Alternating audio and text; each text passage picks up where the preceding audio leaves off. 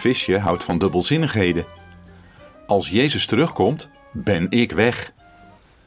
Eén uitleg is dat als je niet van Jezus houdt, je niet van zijn terugkomst zal willen weten. En wanneer hij dan toch komt, wil je weggaan. De andere uitleg is een echte bijbelse. De Bijbel is heel duidelijk over de wederkomst van Jezus Christus. In 1 Thessalonicense 4, vers 16 en 17 staat daarover: Wanneer het signaal gegeven wordt, de aartsengel zijn stem verheft en de bazuin van God weer klinkt, zal de Heer zelf uit de hemel neerdalen.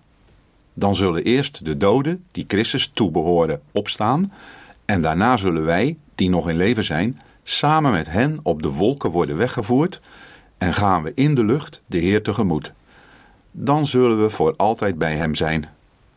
Ja, als Jezus terugkomt, zullen we hier weg zijn en op de wolken worden weggevoerd.